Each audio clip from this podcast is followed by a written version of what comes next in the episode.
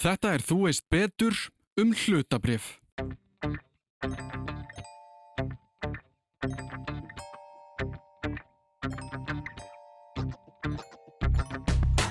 Hlutabref eru ávísun á hlut í fyrirtæki í eigin fyrirtækis.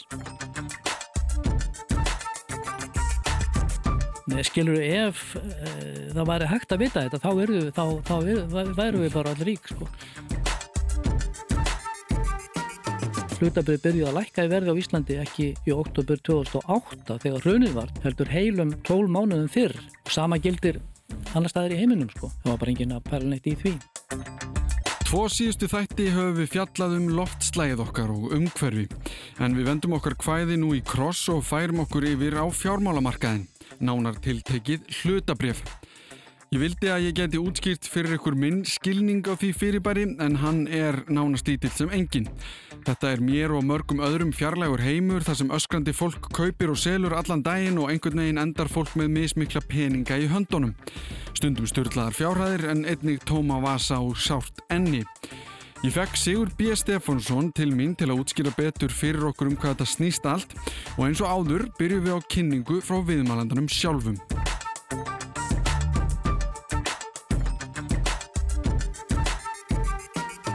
Ég heiti Sigurður B. Stefánsson og ég er nú mentaður verkfræðingur og, og hagfræðingur líka en ég hef starfað á verbreyfamarkaði í bráðum 40 ár. Lengst af var ég framkvæmda stjóri VFIB, eh, verbreyfamarkaðar Íslandsbanka og síðar eignastýringar Íslandsbanka en síðar var ég sjóstjóri hjá Íslandsjóðum og uh, formaður fjárfæsningaráðs eignastýringar hjá Landsbankanum en núna starfa ég bara á mínum eigin vegum sjálfur. Ég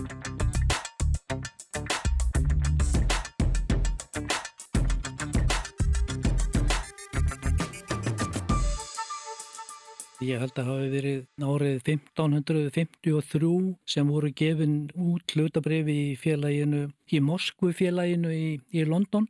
Það var félag sem hafi verið stopnað til, til viðskipta í, í Moskvu, það er nú bráðum hálft árþúsund síðan sko, mm. en þetta er raun og veru var sameigna félag og uh, sama málið gengdi um öll hlutabrjöf sem gefum voru út fram yfir aldamótin 1800 en sem sagt 1811 voru sett fyrst lög í London eða í Breitlandi um, um fyrirtæki með takmarkaðri ábyrð og það þýtti sem sagt að, að hlutabref e, var þá þannig að eigandin gatt aldrei tapað meiru ef illafæri heldur en bara því sem hann hafi sjálfur lagt fram til að kaupa hlutabrif og þetta ger breytti alveg stöðu uh, hlutabrifa í, í, við skulum segja, í vestrænum ríkjum vegna þess að uh, þá var farin að myndast millistétt sem var byrjuð að efnast í sérstaklega í ríkjónum í Norður-Európu og þau byrjuð að eignast hlutabrif og uh, samamáli gengdi um, um treykingafél og ymsa sjóði sem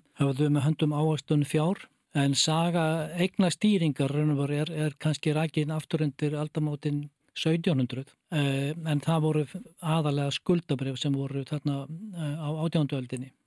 Og það kannski leiðir af fyrstu spurningunni sem ég hef, ja, fyrsta hlut, hlutnum sem ég byrja að pæli í, uh, það er að það voru til skuldabref og síðan verða til hlutabref. Og ef við kannski förum örstuðt út í munin á þessum tveimur, Já, það er mjög góð hugmynd því að ja. það er, er grundvallar munur. Hlutabref eru ávísun á hlut í fyrirtæki og þar með eru þau líka ávísun á hlutdeild í öllum afrækstri þess fyrirtækis. Samsagt þegar að fyrirtæki dafnára vex þá vangast hagur hlutavans því að það stendur í beinu hlutvalli við eigin fyrirtækisins. Skuldabrif aftur á móti eru, eru verbreyð sem fyrirtæki eða sveitarfélug eða jafnvel hefur ofinbara ríkiskuldabrifin gefur út til að afla sér fjára markaði og þau eru langa oftast bara með, með vöxtum með, sem greiðast árlega eða, eða í lok líftímans. Þannig að það er engin óvisa með það. Það er sem sagt, það er skuldbinding að baki endanlegra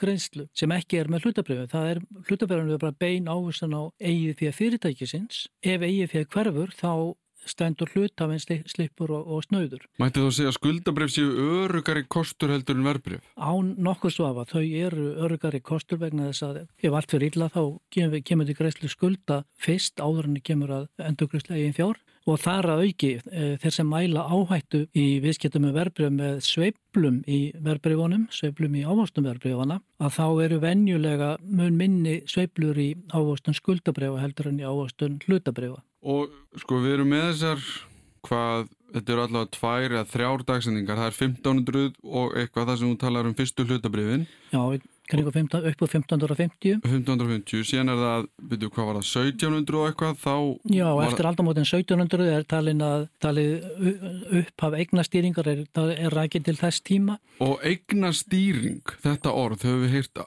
Já, áður. Hva, eigna, hvað þýðir það nákvæmlega? Eignastýring er raun og veru fæið sem ég hef starfað við í þessi tæmlega 40 ár. Já, það er bara að stýra hlutabriðunum sem þú átt. Það, já, það er, já, það er fæið þar sem fengist er við uppbyggingu egna með verbreyfum, með, mm. með viðskiptum með hlutabreyf og skuldabreyf. Innmitt. Og síðan 1800 og... 1811 voru sett lögu í Breitlandi um, um félögum með takmarkaðri ábyrð sem er grundvallar aðrið og egna þess að fyrir þann tíma þá voru hlutabrifin eiginlega bara hlutur í samegnafélagunum. Þannig að ef, ef illa fór þá var, var hlutafinn eiginlega ábyrgur sko, þá gæti hann tapað meiru heldur en... Af því að þá átt hann líka hluti í skuldunum? Já, já, hann var bara, já, ábyrgur fyrir rekstrinum. Mm -hmm. Það voru ekki margir sem tóku þátt í slíkum rekstrinum að þeir sem bara þekktu vel til. En Þannig varst í raun að kaupa þið bara inn í fyrirtæki? Já, varst að kaupa inn í fyrirtæki, já. já. Þetta eru auðvitað til enn í dag, en lögin um fyrirtæki með takmarkaðar ábyrg sem sem allstaðar eru núna og öll hlutubröfu í Íslandi eru, það eru fyrirtæki með takmarkaðar ábyrð, á ennsku er þetta limited company sem er LTD bara, LTD, já. Já. og það þýðir sem sagt að, að, að hlutafi tapar ekki meiru heldur en hann lagði fram til að kaupa hlutabrifið í upphafi. Mm. Nefnann hafi tekið lán til þess að kaupa það Og þá náttúrulega, já. En, en það skildi, skildum henni ekki gera nema þá í undantekningar tilvíkum og helst vita mjög vel hvað þeir eru að gera. Sko að því að þú talar um 1550 sem er miklu fyrirheldur en ég bjóst við. Að ég hugsa bara um Wall Street. Já, þetta er kannski svona sögulegt sko, eh, en það má kannski reyfja upp að það var, það var 1720 sem, sem hlutabriða bólurnar tvær, það var South Sea Company og Mississippi Company, þær bólur tvær sprungu og túlipanna brjálaðið í Hollandi, það var fyrir 1700, hvað, 1680 eða, eða þar um byll. Veitu, hvað er túlipanna brjálaðið? Ah, það er nú, sko, núna bara í þessari viku og síðustu viku þá tala mér um GameStop. Já, já, einmitt. þar sem, sem, sem hlutabreyfi einhverju fyrirtæki bara hækkar úr 10 eða 15 dólarum yfir 300 dólara. Mhm. Mm og túlipunnaæðið, ég kannu ekki tölurna sko en, þá töldu menn að, að hollendingar myndu efnast óheyrilega á túlipunnaræktun og, og það, þannig að það fór allir að kaupa einhvers konar verbreyf eh, sem var ávísun á ágóða af túlipunum en, en allt sem er þannig og líka GameStop eh, það endar með því að bólan springur og, og hérna og, og því að það getur ekkit verbreyf hækkað um marga, marga 20% á orðfáðum dögum eða vikum Og þetta sem þú talar um sí, uh, þú talar um, hvað var það, Massachusetts, nei, Mississippi Já, Mississippi? Company og, og South Sea Company, það voru fyrirtæki sem eitthvað líkt gildu, gild, gildu um. Mm. annars er ég ekki góður í þessum bólum. Ég finnst þetta nú ekki vera mjög alls ekki það áhuga að vera að stála hlutabröðum Nei, nei, en, en, en sko þetta er sæður 1720 sem að Já, sem þess að tvartbólu springa. Það er eiginlega uh, áhugaverðara í ljósti þess að, að, að þarna tap, töpuðu margir miklu fyrir og það dró mjög úr uh, áhuga á viðskiptum með, með hlutabreyf eða viðskiptum á verbreyðumarkaði mm. eftir það sem var áratögum skipti. Svo er þetta líkt og eins og við upplöðum hér á Íslandi eftir hrunið hösti 2008 að uh, það var í raun og veru tæplega bara fyrir en með útbóði Æslandi er núna fyrir áramótin sem almenningur í raun og veru stegju fram til, til þáttöku í hlutabröðuviðskiptum. Auðvitað er búin að vera hlutabröðuviðskipti síðan í rauninu en, mm. En þau hafa verið mun minni heldur en heldur en var til dæmis áratögin þar á undan. Sko, e, að, að þetta umhverfið sem þú talar um á þessum þrejum dagsendingum eða tímasendingum, er það líkt og því sem við erum að horfa á í dag?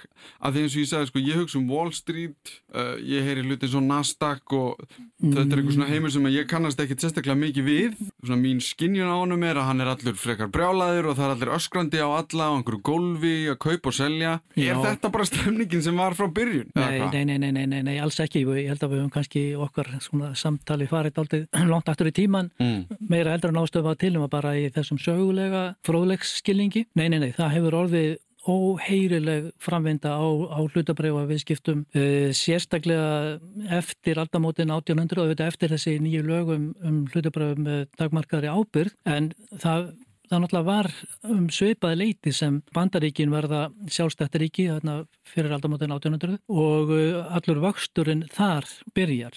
Það náttúrulega var alveg óheirilegur vöxtur um bara mikil framþróun í bandaríkjunum á, á 19. aldinni og eftir borgarastyrjölduna þá upphefst eiginlega svona nýr kapli í sögunni. Þá byrjar þetta játbrötaævintýri og stálbræsluævintýri og óljufélagi verða til og starri vestlunafyrirtæki og, og svo framvegs. Og þessi ótrúlega öri vöxtur sem var þarna fyrir aldamótið 1900 og, og fram til má segja 1929 eða 30 þegar hérna hrunið varð á Wall Street þá og kreppan var þeila úr því alheims kreppa Er það, eh, er ekki einhver dagur nefndu, Black Friday, nei ekki? Jú, það, það var í oktober 1929 sem raunni byrjaði en, en það tók langan, langan tíma sko, það, það var eiginlega ekki fyrir en, það tók eiginlega þrjú á sko, það var ekki fyrir en 1932 sem, sem botninu var náð. Og er það kreppan mikla? Það, það er bara upp af hennar því að, því að svo kreppa hún stóði í meira að minna heilan áratug eða þar að segja hún stóða íla fram að heimstyrjöldinni síðari sem byrjaði 1900, hóst 1939 mm -hmm. og þessi kreppa á fjörða áratugnum henni lauka íla með streiðsreksturinnum. Þannig að þessi, þessi uppgangstímis sem, sem stóð kannski frá 1890 fram undir 1930 og kannski kannast við að, að þriði áratugurinn í bandaríkjunum stundum kallaði gullni áratugurinn mm -hmm. þar sem bóstaflega bara allt var að verða veitlaust. Það var mikið af peningum, það var mikið verið að framlega og búa til og selja og bara... Sko þessi, það er engin eiginlega möguleiki að líka þessum tíma eitthvað saman við það sem var að gera þarna ykkur ykkur um 1800. Mm. Það var allt miklu settlera þá og, og svo má kannski segja líka núorðið þá, þá er lögjöfinn og reglugerðir og, og allt eftirlit með þessum viðskiptum ekki síst í bandaríkjónum en líka í, í, í þróaðri ríkjum í Evrópu. Það er orðið mjög vandað Þannig að þessi viðskipti núna eru, myndi ég segja, mjög örug og, og fast í forminu. En þú talar um hann í oktober þegar kreppan hefði byrjað að Wall Street var, var eitthvað hrjón. En hvenar er Wall Street, hvenar byrjar Wall Street, hvenar er Wall Street stopnað? Sko, Wall Street uh, var ekkert stopnað þannig... Mm Wall Street eh, er núna nota bara sem nokkus konar samheiti fyrir allan, fyrir hlutabræðamarkað í bandaríkjónum. En þau viðskipti eru fyrst og fremst í þessum tveimur kaupöllum, annars vegar Nasdaq og eins vegar New York Stock Exchange, en viðskiptin eru sjálfur sér orðin öll bara rafræn. Upphálega þarna í kringum eftir aldamótin 1800 þá spruttu upp kaupallir viða um heim. Ég held að hafa verið samtals eitthvað 20 eða 30 kaupallir í, í Európa og bandaríkjónum samtals vegna þess að þá var upplýsingastreymið og, og all samskipti eh, ekki til líkingu við það sem þau eru orðið núna mm -hmm. og þá, þá sérhæfðu þær sig hver á sínu sviði til dæmis í Los Angeles var kaupall sem sérhæfði sig í ólju, hlutafræmi ólju fyrirtæki og svo framvegs mm. en eftir þessum tíminn hefur liðið bylting í upplýsingastreymi og, og öllum samskiptum og, og líka og bara flutningum þá hafa kaupallinnar runnið saman og orðið stærri og sterkari þá má segja raun og veru af því að þetta er markaður þar sem aðilarnir koma saman þótt að það sé núna orðið allt stafrænt til að eiga viðskipti, þá skiptir starfin máli sko. Starfin á kaupallinni? Starfin, já, það er að segja umfang viðskiptana skiptir miklu máli. Út af, út af hverju? Já, sko þetta er bæði einfalt og flókið sko. Þegar það eru mjög margir sem vilja eiga viðskipti til að kaupa og selja hlutabrið þá eru miklu meiri möguleikar á því að ef þú átt hlutabrið sem þú vil selja miklu meiri möguleiki á því að, að þú finnir eitthvað sem vil kaupa og þegar að fyrirtækinu eru orðin 8.000 eins og það eru í skráð fyrirtæki í bandaríkjunum, rúmlega það, þá skiptir miklu máli að, að, að markaðurinn séu mjög stór. Ég hugsa stundum um sko, maður hugsaði í gegnum áratugin að, að það háur okkur svo litið hér á Íslandi í kaupöllinni hér hvað við erum í raun og veru fá. Það eru bara fáur á landinu og þess vegna ennþá færri sem taka þátt í hlutabröðuviðskiptum og það lítið um að útlendingar gerir það. Hvenar förum við Íslendingar að taka þátt í einhverju sem hétt hlutabrjöf? Það er ekki fyrir á nýjunda áratögnum í raun og veru. Verbreyfa Þingi Íslands var stopnað fyrir tilstöðunar Dr. Jóhannes Nórdal eh, þávarandi seglabankastjóra árið 1985 en mér er eiginlega kært að, að rekja sögun aðeins aftar vegna þess að, að Dr. Jóhannes eh, beitti sér líka fyrir fyrstu útgáfu eh, verðtreyður að spari skiptina ríkisjós árið 1963 og, og, og, og seglabankin var nú ekki, hann var nú stopnað bara 1960 sko, hann þetta var til dörlega að snemma og þetta voru og veru fyrstu já, við skulum segja eiginlega fyrstu verbreyfin, þetta voru skuldabreyf sko, á fyrstu verbreyfin á Íslandi mm -hmm. Og þau gætt fólk keift og, og, og gerði og það gætt innlist þessi verbreyf hjá seglabankunum á uppreiknuðu verði en það var ekki markaður. Markaður fyrir skuldabrið byrjaði að verða til svona í kringum 1980 og fljótlega eftir það eh, komu þá líka á markaðin eh, svo gölluð verðtreyð og fastegnatreyð skuldabrif og á þessum tíma var sko verðtrygging, login og verðtryggingin, verðtryggingu tóku gildi 1979 og hvað sem menn kunna segja um verðtryggingu núna þá er ekki af á því að hún leiti til þess að, að það komst svona ákveðin skikkur á, á fjármálamarkaðin. Já, vegna þess að, já, bara við förum aftur á áttunda áratögnu, millir milli 70 og 80, þá geysaði rosaleg verbulga. Það var mjög erfiður áratögur, ekki bara á Íslandi heldur alþjóðlega í, í efnaðarsmálum. Það var ólíukreppan, ólíuverð tólfaldæðist á árunum frá 1973 til 79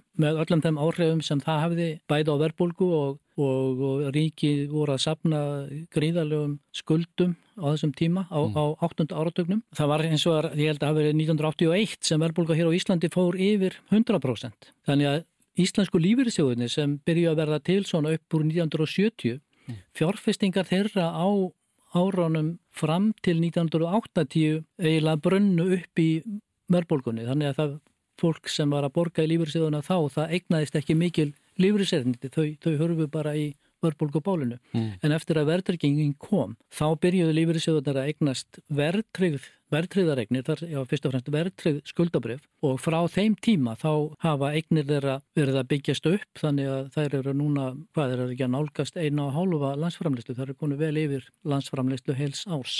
Fjárfestingar lífeyrissjóðana? Eignir lífeyrissjóðana. Eignir lífeyrissjóðana? Það er eigninar sem standa baki lífeyrisréttundum. Mm.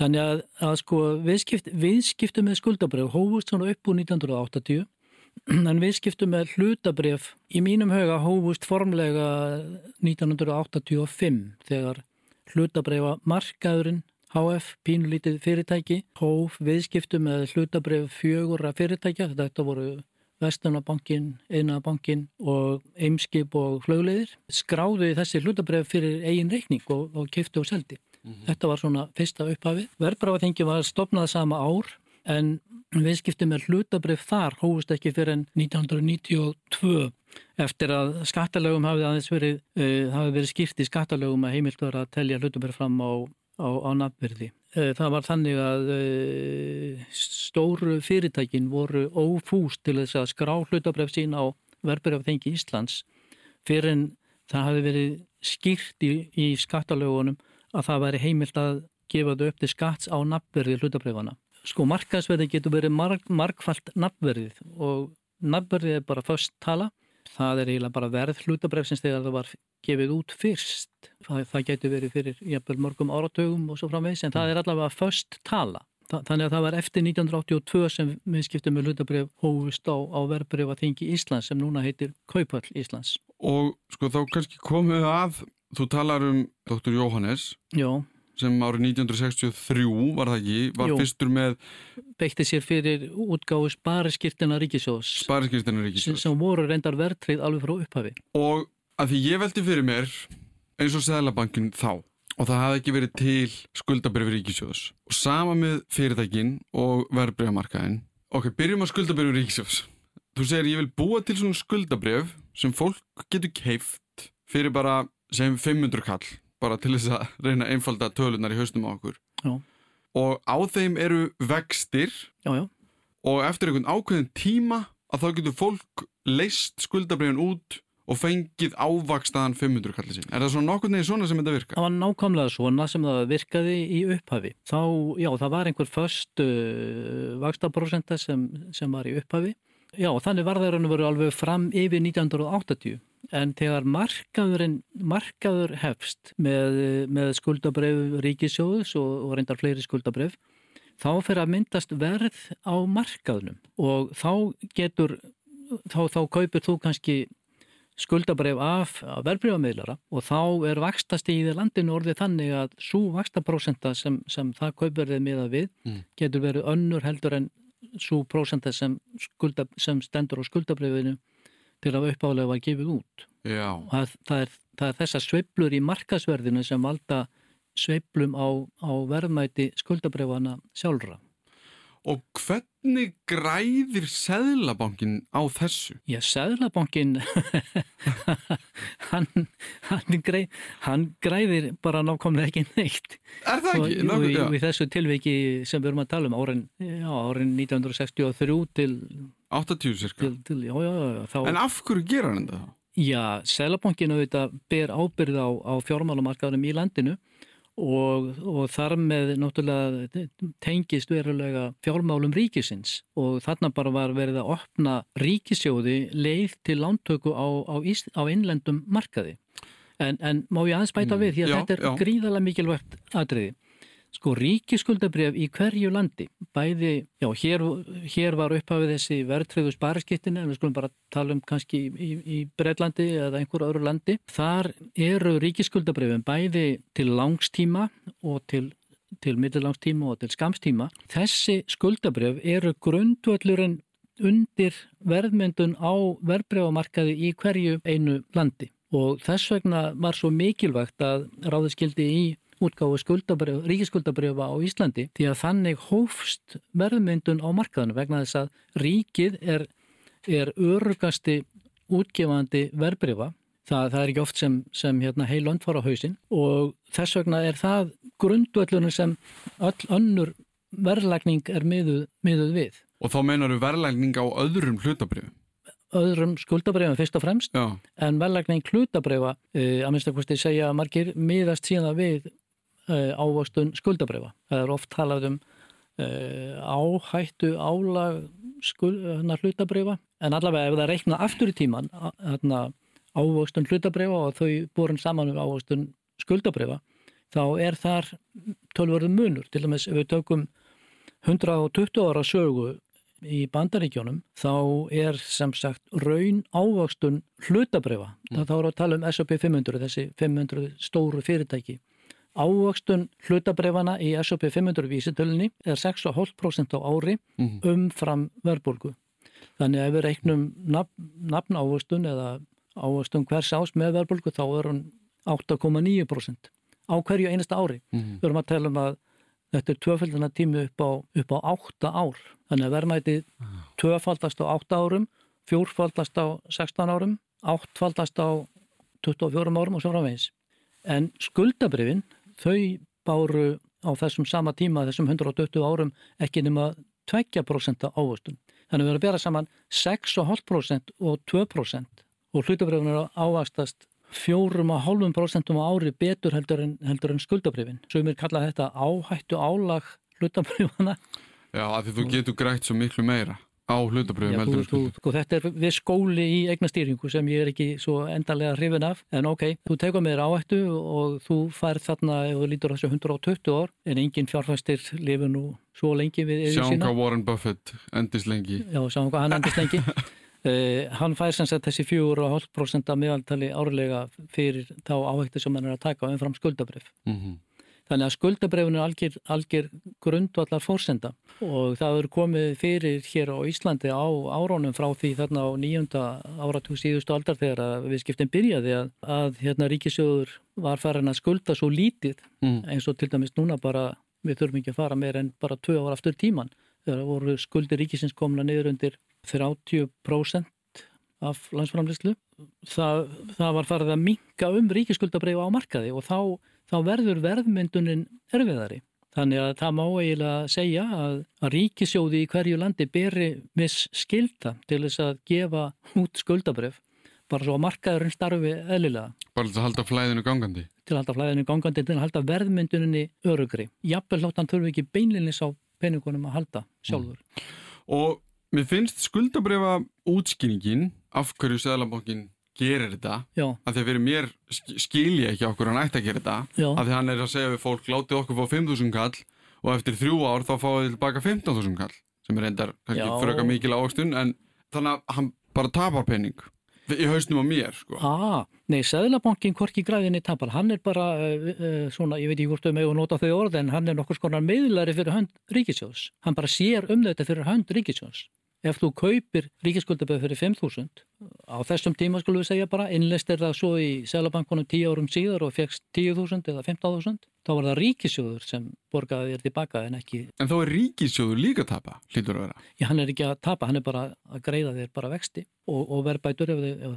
En ef þú lest inn 5.000 kall og þú fær 15 skall tilbaka eftir 10 ár er ríkisjóður þá ekki að tapa á þessu? Nei, sko, það er þá, ef við notum þessa tölur og 10 árum, þetta er þreföldun og 10 árum uh, segjum bara að það hefur verið 5% af vextir uh, þetta er að vísu sko vextur og vakstavextir en svona gróft rekna þá kannski hefur átt að fá tilbaka svona segjum 8.000 cirka mm -hmm. með 5% ágstum en þú ert að fá 15.000 sem er tvöfald herra þá við að segja að verðalag hafi tvöfaldast á þessum 10 árum mm. þannig að ríkisjóður er að skila þér tilbaka upphaflegum höfustól sem þú laði fram með verðtryggingu pluss þessum 5% vöxtum sem hafa sapnast upp í 10 ár.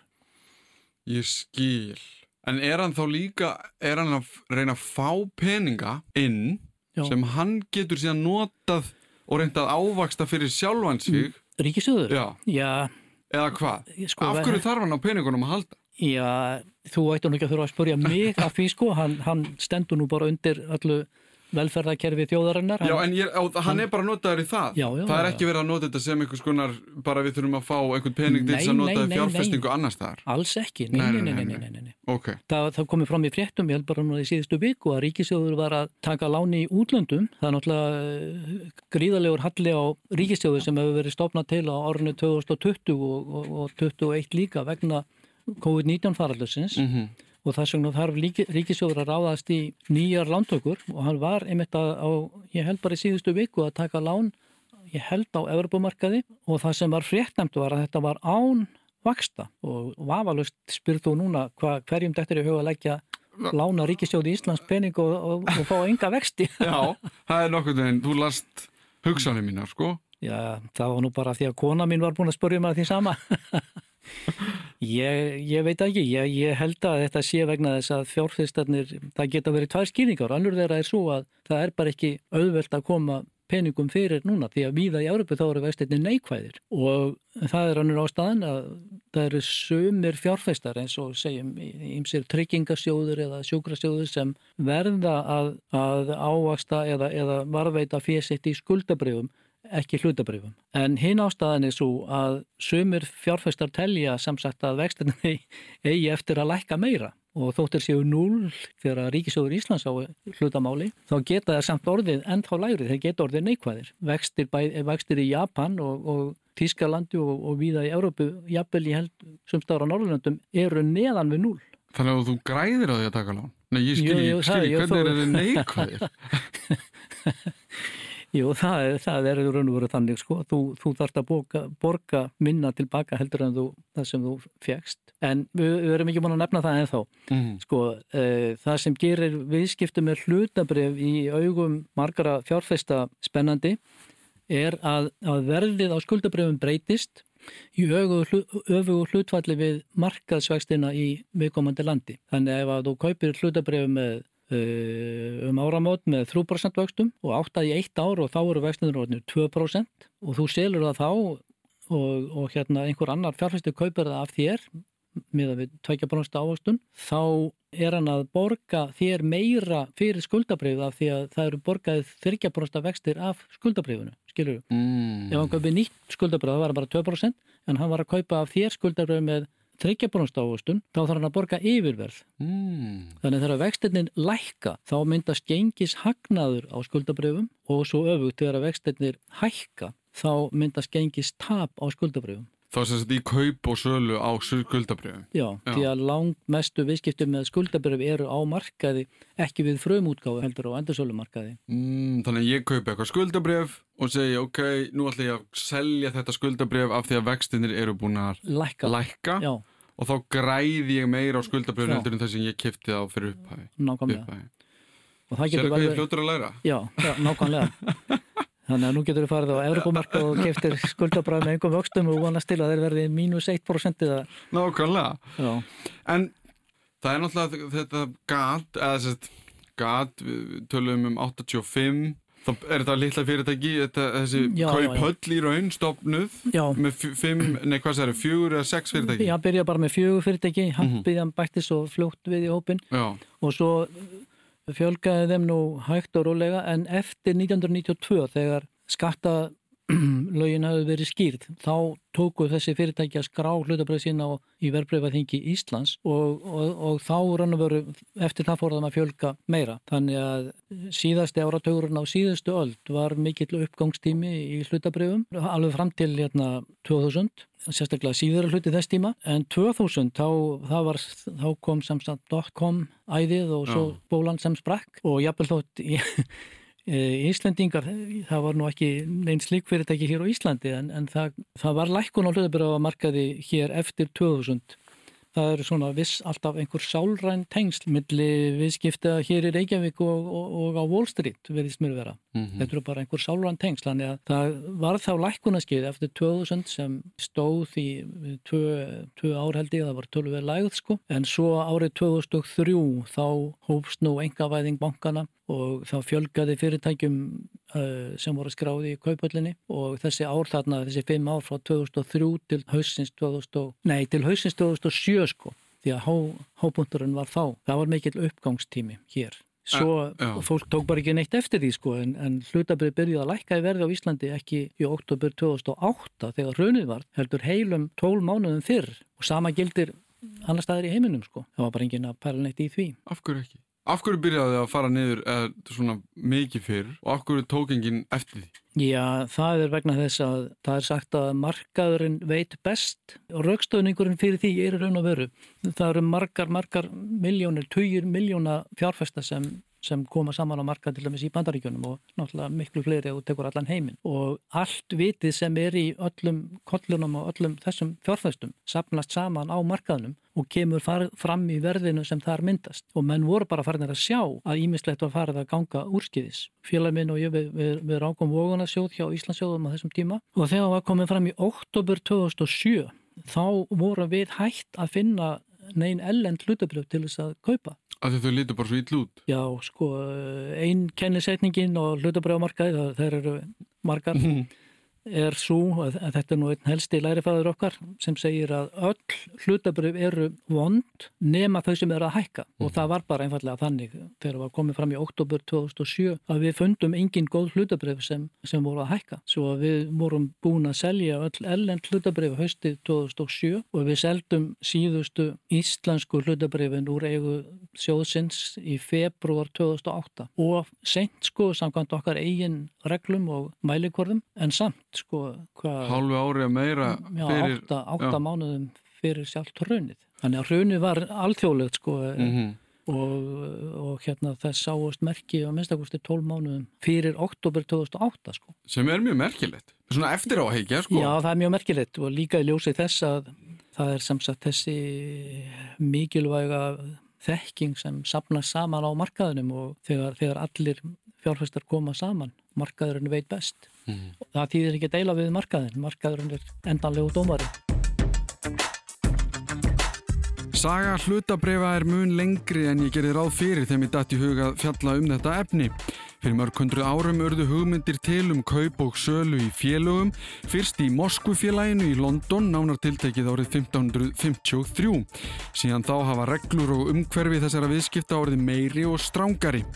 Jóhannes Nordal spilar stóra rullu hér heima að setja upp það umhverju sem Ólaf sér hlutabregamarkaðin en ef við færum okkur frá sögunni og til nútíman svo prófum að setja upp dæmi. Ef ég á fyrirtæki, segjum bara Alli EHF og ef huga á því að setja það á hlutabregamarkað, hvernig gengur það ferli fyrir sig? Já, sko, fyrst breytur EHF í HF og svo ferði í bankaninn og segir mér langar bara að setja þetta félag á markað. Og þá fyrir í gang heilmikið prósess vegna þess að, að reglunar um skráð hlutafélag eru mjög stífar.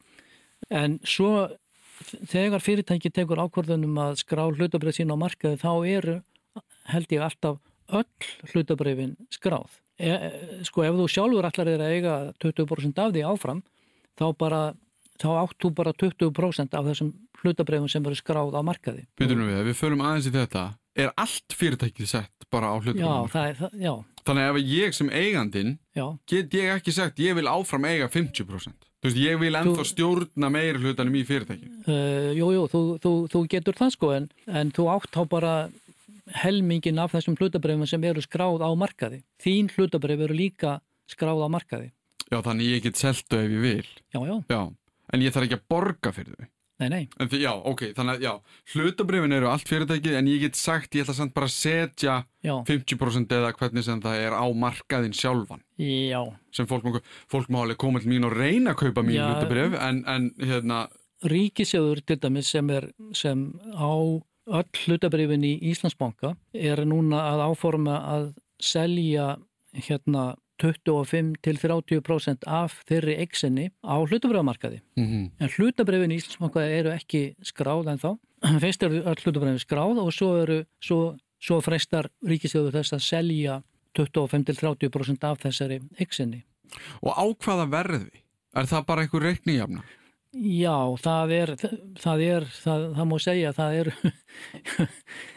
það eru hérna, reiknu jöfnur sko mm -hmm. það eru bara ákveðnar aðferði það, það miðast við heildar eigið fyrir fyrirtækisins og til dæmis ég mér skilst að að heildar eigið fyrir Íslandsbanka sé í kringum 180 miljardar en, en markaðsverð á böngum náttúrulega Arjónbanki er skráður hér þannig að það er, það er viss samanbörðu þar sko mm -hmm. hlutabref í böngum í Evrópu eru, eru líka skráðamarkaði þannig að það er annur vísbending þar um vellegningu þannig að Ríkisjóður uh, kannski reiknar ekki með að geta fengið jafnverði alveg 180 miljardar þótt hann seldi öll hlutabrefin eða mm -hmm. þegar hann verði búin að selja þau öll en, en vel á annað 100 miljardar las ég nýlega Eh, en er það eins og í þessu tilveiki á, í hlut, bara er það er ríkisjóður samt að selja það bara á því verði sem hann vil selja það á? Já, sko. Ég get átt hlutabrjöf og þau eru einhvers virði á markanum en ég hugsa,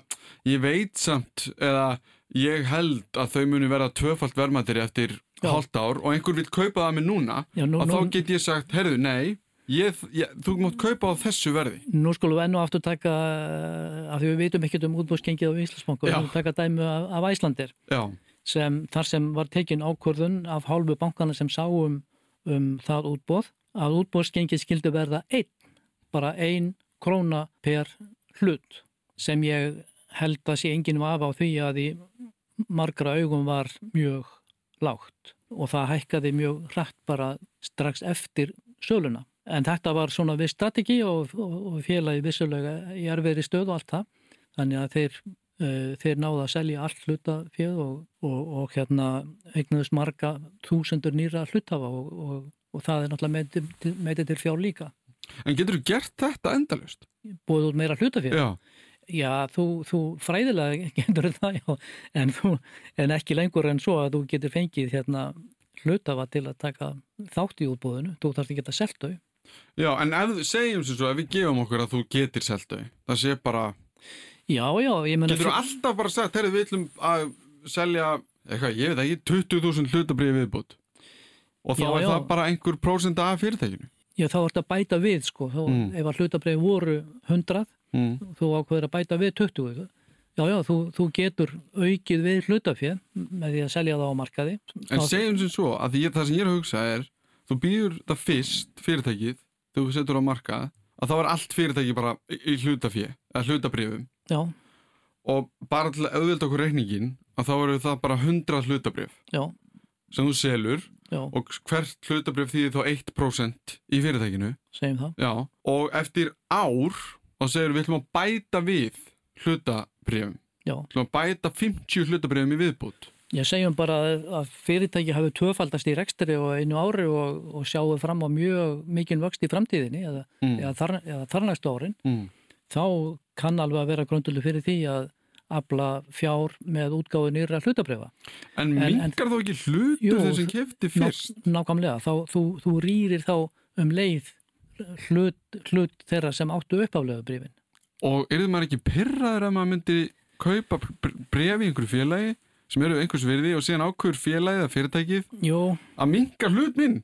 Ég gefti hann okkur verði. jú, en náttúrulega það er greiðalög vöxtur í gangi sko það, en, en það er alveg rétt, það, þetta rýrir hlut þeirra sem fyrir voru og, Mm. og þess vegna er þetta, þetta er ekki mjög algengt sko. Að fyrirtæki getur afla sér nýtt fjár til, til þess að vaksa annars vegar með innri vexti þar að segja með því að fjárfesta eigin hagnað eða þá með því að gefa út skuldabrjöf eða bara taka lán í banka. Þannig að það, er, það getur afla sér fjár með fleiri leiðum heldur en að bjóða nýtt hlutafjö og það, það er sjálfgeft sko. Og þá kannski spyr ég, sko, get ég gert það sama og þú? Get ég, bara sem allir már, farið á netið bara og sagt, ég ætla að kaupa hlutabref með mínum eigin peningum sem er inn á bankabók?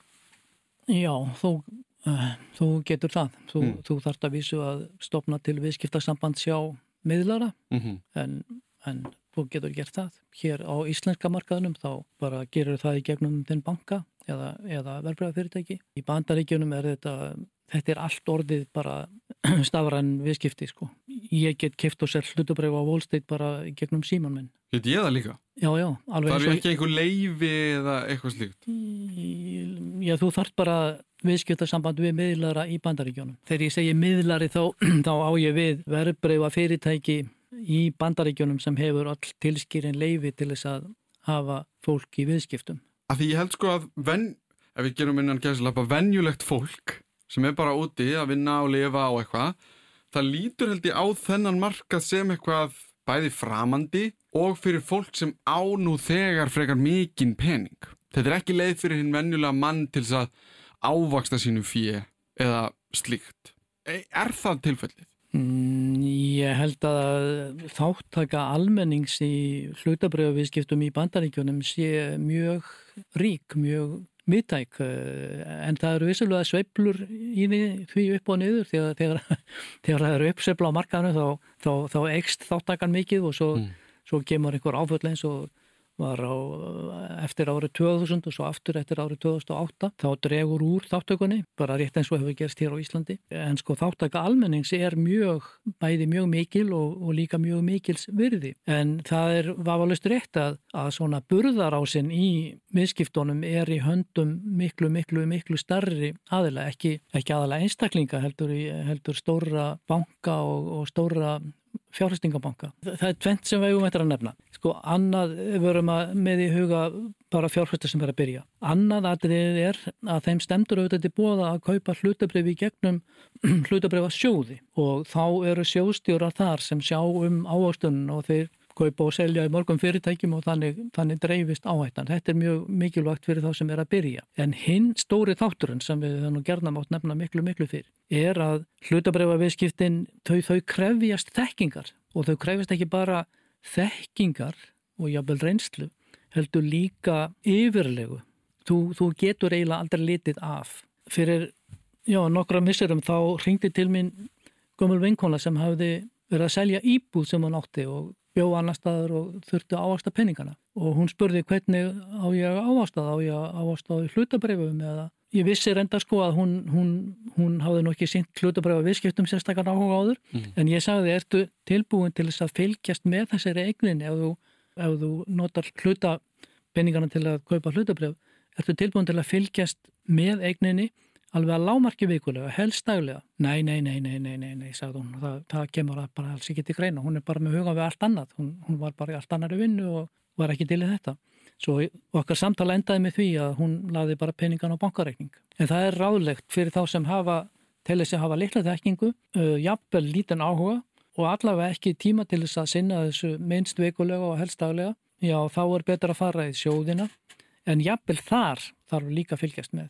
En þegar þú segir fylgjast með, hverju er þetta að fylgjast með? Við nefndum á þann að, að það eru í eignastýringu eru tveir helstu skólar. Í öðrum þeirra svo gölluðum nýklassiska skólunum sem á rætur í háskólanum í Chicago eftir 1950 áran 50 til 70. Þar uh, er forsendan svo að, að verða á hlutabrifum uh, fylgi slembiröldi þar segja verðið í dag segir þér ekkit um hvaða verður á morgun það getur farið uppið að niður og svo framvegis þannig er engin leiði til þess að sjá neitt fyrir. Samkvæmt því þá getur út af fyrir sig keft hlutabrif ekki í einstakku fyrirtæki því að þá bætist við fyrirtæki á þetta. En það eru til sjóðir sem fylgja, fylgja öllum hlutabreyfunum á tildeknum markaði. Til dæmis, þú getur keift hlutabreyf sem fylgir SOP 500 vísitölunni og þú getur gert það fyrir 50.000 og ef þú átt að í 120 ári eða hefðir átt að síðustu 120 ár það eru fengið 8,9% á árið að jafnaði.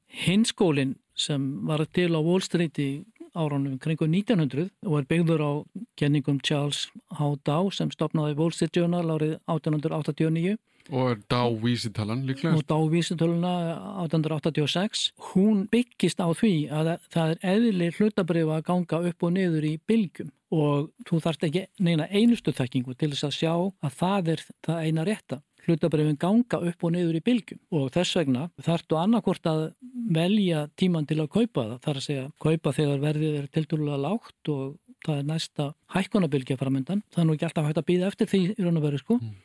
Eða þá ef þú kaupir hlutabrif eða, eða hérna kaupir hluteldaskýrtin í sjóði þá þarftu líka að vera vissum að lækkunin verði ekki meiri heldur en þú er tilbúin til að taka. Þetta er bara útrúlega lítið útbreytt hér á markaði innanlands. Þetta er kallað tapsölumörk. Á ennsku heitir þetta stopploss og mér finnst að allir fjárfeistar í hlutabröfum eigi að beita tapsölumörkum og þá bara segir þau fyrirfram áður en þú kaupir til þau tekið hlutabröf og ákveðu hvað ætlar að taka miklu áhættu. Ég ætla að hámarki að sætta mig við lækkun upp á segjum 5% á þessu hlutabrifi eða það getur verið 7% eða 8% og segjum að þú sért að þarna kaupa fyrir 10% af því sem þú ert með í, í þínu safni og segjum að þetta sé hámarslækun sé 8% á þessu tildekna fyrirtæki, mm. hlutabrifi, þá ert að sætta þetta við 0,8% lækun á heildaregnin í safninu. Já, þú, já, þú, hérna, á, er þetta ekki á ennsku svona hedge your bets eða eitthvað, þú reynir að veðja á nokkur og... Nei, þetta er einmitt alveg fyrir að veðja. Þú, já, ok, þú, já, þegar, e... þegar þú kaupir hlutabrif, þá kaupir það vegna þess að þú telur þig þú væntir þess að það muni hækka í verði. Mm -hmm. en engin veit það, engin getur vita það fyrirfram. Er ef, það bara ekki hægt? Nei, það er, það er hægt að reikna það með líkum. Það er, það er hægt að leggja líkur af því að hlutabref sem þú kaupir eigi hækkun í vandum, þess vegna kaupir það. En það getur verið að matitt bregðist og reynist ekki verið rétt og þá verndanu þig með því að beita tapsölumörkum, uh, segjum 5%, 5% lækun eða, eða 7-8% eftir því það fyrir til ákveðnum bara formúlum. Og þá getur verið vissum að þú tapar aldrei meiru en þessu og það var þetta sem ég áttu við þegar ég sagði að það er svo mikilvægt að fólk sem gengur til viðskipta með hlutabröf eða hluteldar skýrtin í hlutabröfa sjóði að það ákveði fyrirfram hvað það er tilbúið til að sækta sig við mikla lækun. Ég, ég er stein hissa sko en á öllum mínum ferli og ég veit ekki hvað ég er búin að eiga í samskiptu við marga viðskiptavinni þeir skipta sannlega 20.000. Ég veit bara um eitt einasta dæmi um viðskiptavinn sem sagði þetta í upphafi. Og fyrir það, það þá bara að ef að lækunin er meiri en það sem ég er búin að ákveða, þá selj ég. Já. Þá er ég bara búin að kúpla mig út. Þessi viðskiptavinnur miðaði við 5% mm -hmm. og bað um að það væri tekinn stað á einhver áramót ef verðmæti hans egnar eða sapsins hans lækkaði niður í 95% af því sem það var um áramótin þá er þið tekinn staðan og aðtöðu hvort að það væri ástað til að selja. En þetta er algjör undan tekning en þetta, þetta ætti að vera algjör regla. Því að fólk spyr sko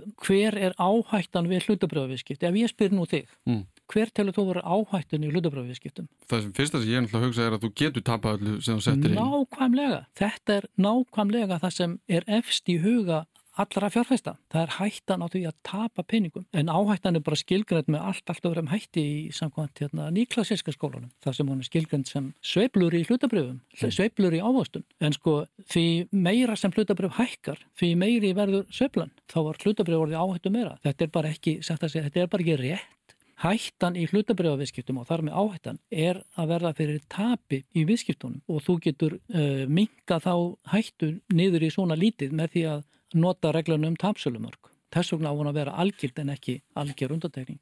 Í hlutabriða viðskiptum er allt til, allt frá því allra skemmtilegasta sem eru day trading, eða dagkaupmenn, yfir í langtímafjárfesta eins og Warren Buffett og af því að höfum nú ekki nefnt hann þá Sko hann notar þá reglu að hann kaupir hlutabref í fyrirtækjum sem eru með 15% ávostun eigin fjár árlega eða herri. Því að þá veit hann að með tímanum þá byggist ávostun hans upp með 15% ári eða meiri og svo keirir hann sér kollóttan um tótt markaðsverði söblist upp og niður. Ef fyrirtæki hættir að virka þannig að það fer niður fyrir 15% og horfir á því að gera það áfram þá annarkort af því að hann er svo stór hlutavisku, mm. stígur hann inn og, og beiti sér fyrir breytingum eða ef hann getur ekki gert það, þá, þá selur hann. Það er allt þarna á milli. Dagkaupmaðurinn yfir í langtíma fjárfestin. Dagkaupmaðurinn, hvað er það þá? Á ennsku er þetta day trader og day trading. Við, því miður þá höfum við ekki orð á íslensku fyrir það sem á ennsku heitir trading.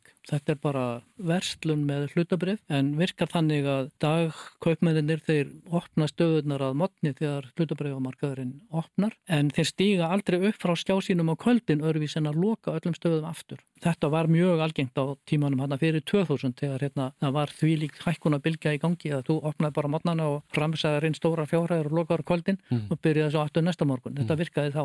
Þetta venjulega ástandi þá, þá, þá er þetta nú ekki eins auðvilt eins og það er, var þá.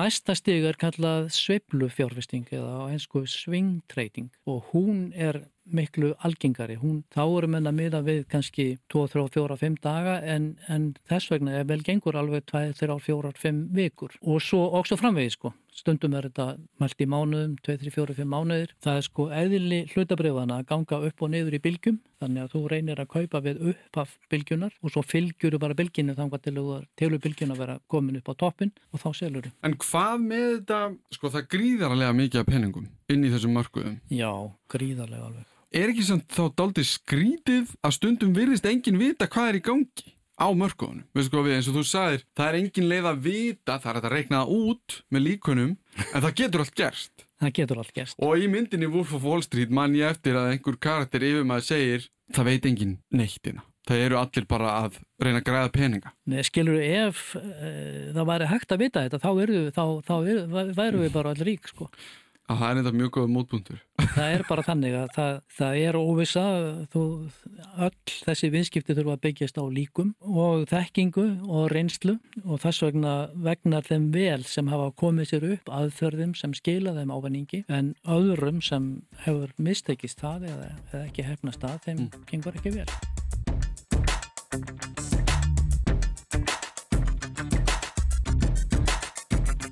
Ef við vissum öll hvernig útkoman myndi vera, væri við líklegast með aðeins meira á milli handana en raun ber vitni.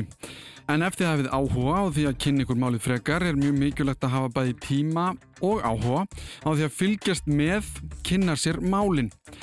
Eða hafa sambandi miðlara eða sjóði sem sjáum að ávaksta peningunum ykkar fyrir ykkur. En hér er eitt líkilor sem er mikilvægt að nefna aftur, tapsölumörk að ákveða fyrirfram hvert tapið má vera ef það fer fyrir neðan það skal selt og eitthvað annað gert við peningin. Það eru mismöndi skólar til í þessum fræðum en Charles H. Dow komið þó kenningu að það er eðli hlutabrefa að ganga upp og niður í bylgjum. Svo kenning virðist vera svo sem fara eitt eftir en hvað með framtíðina?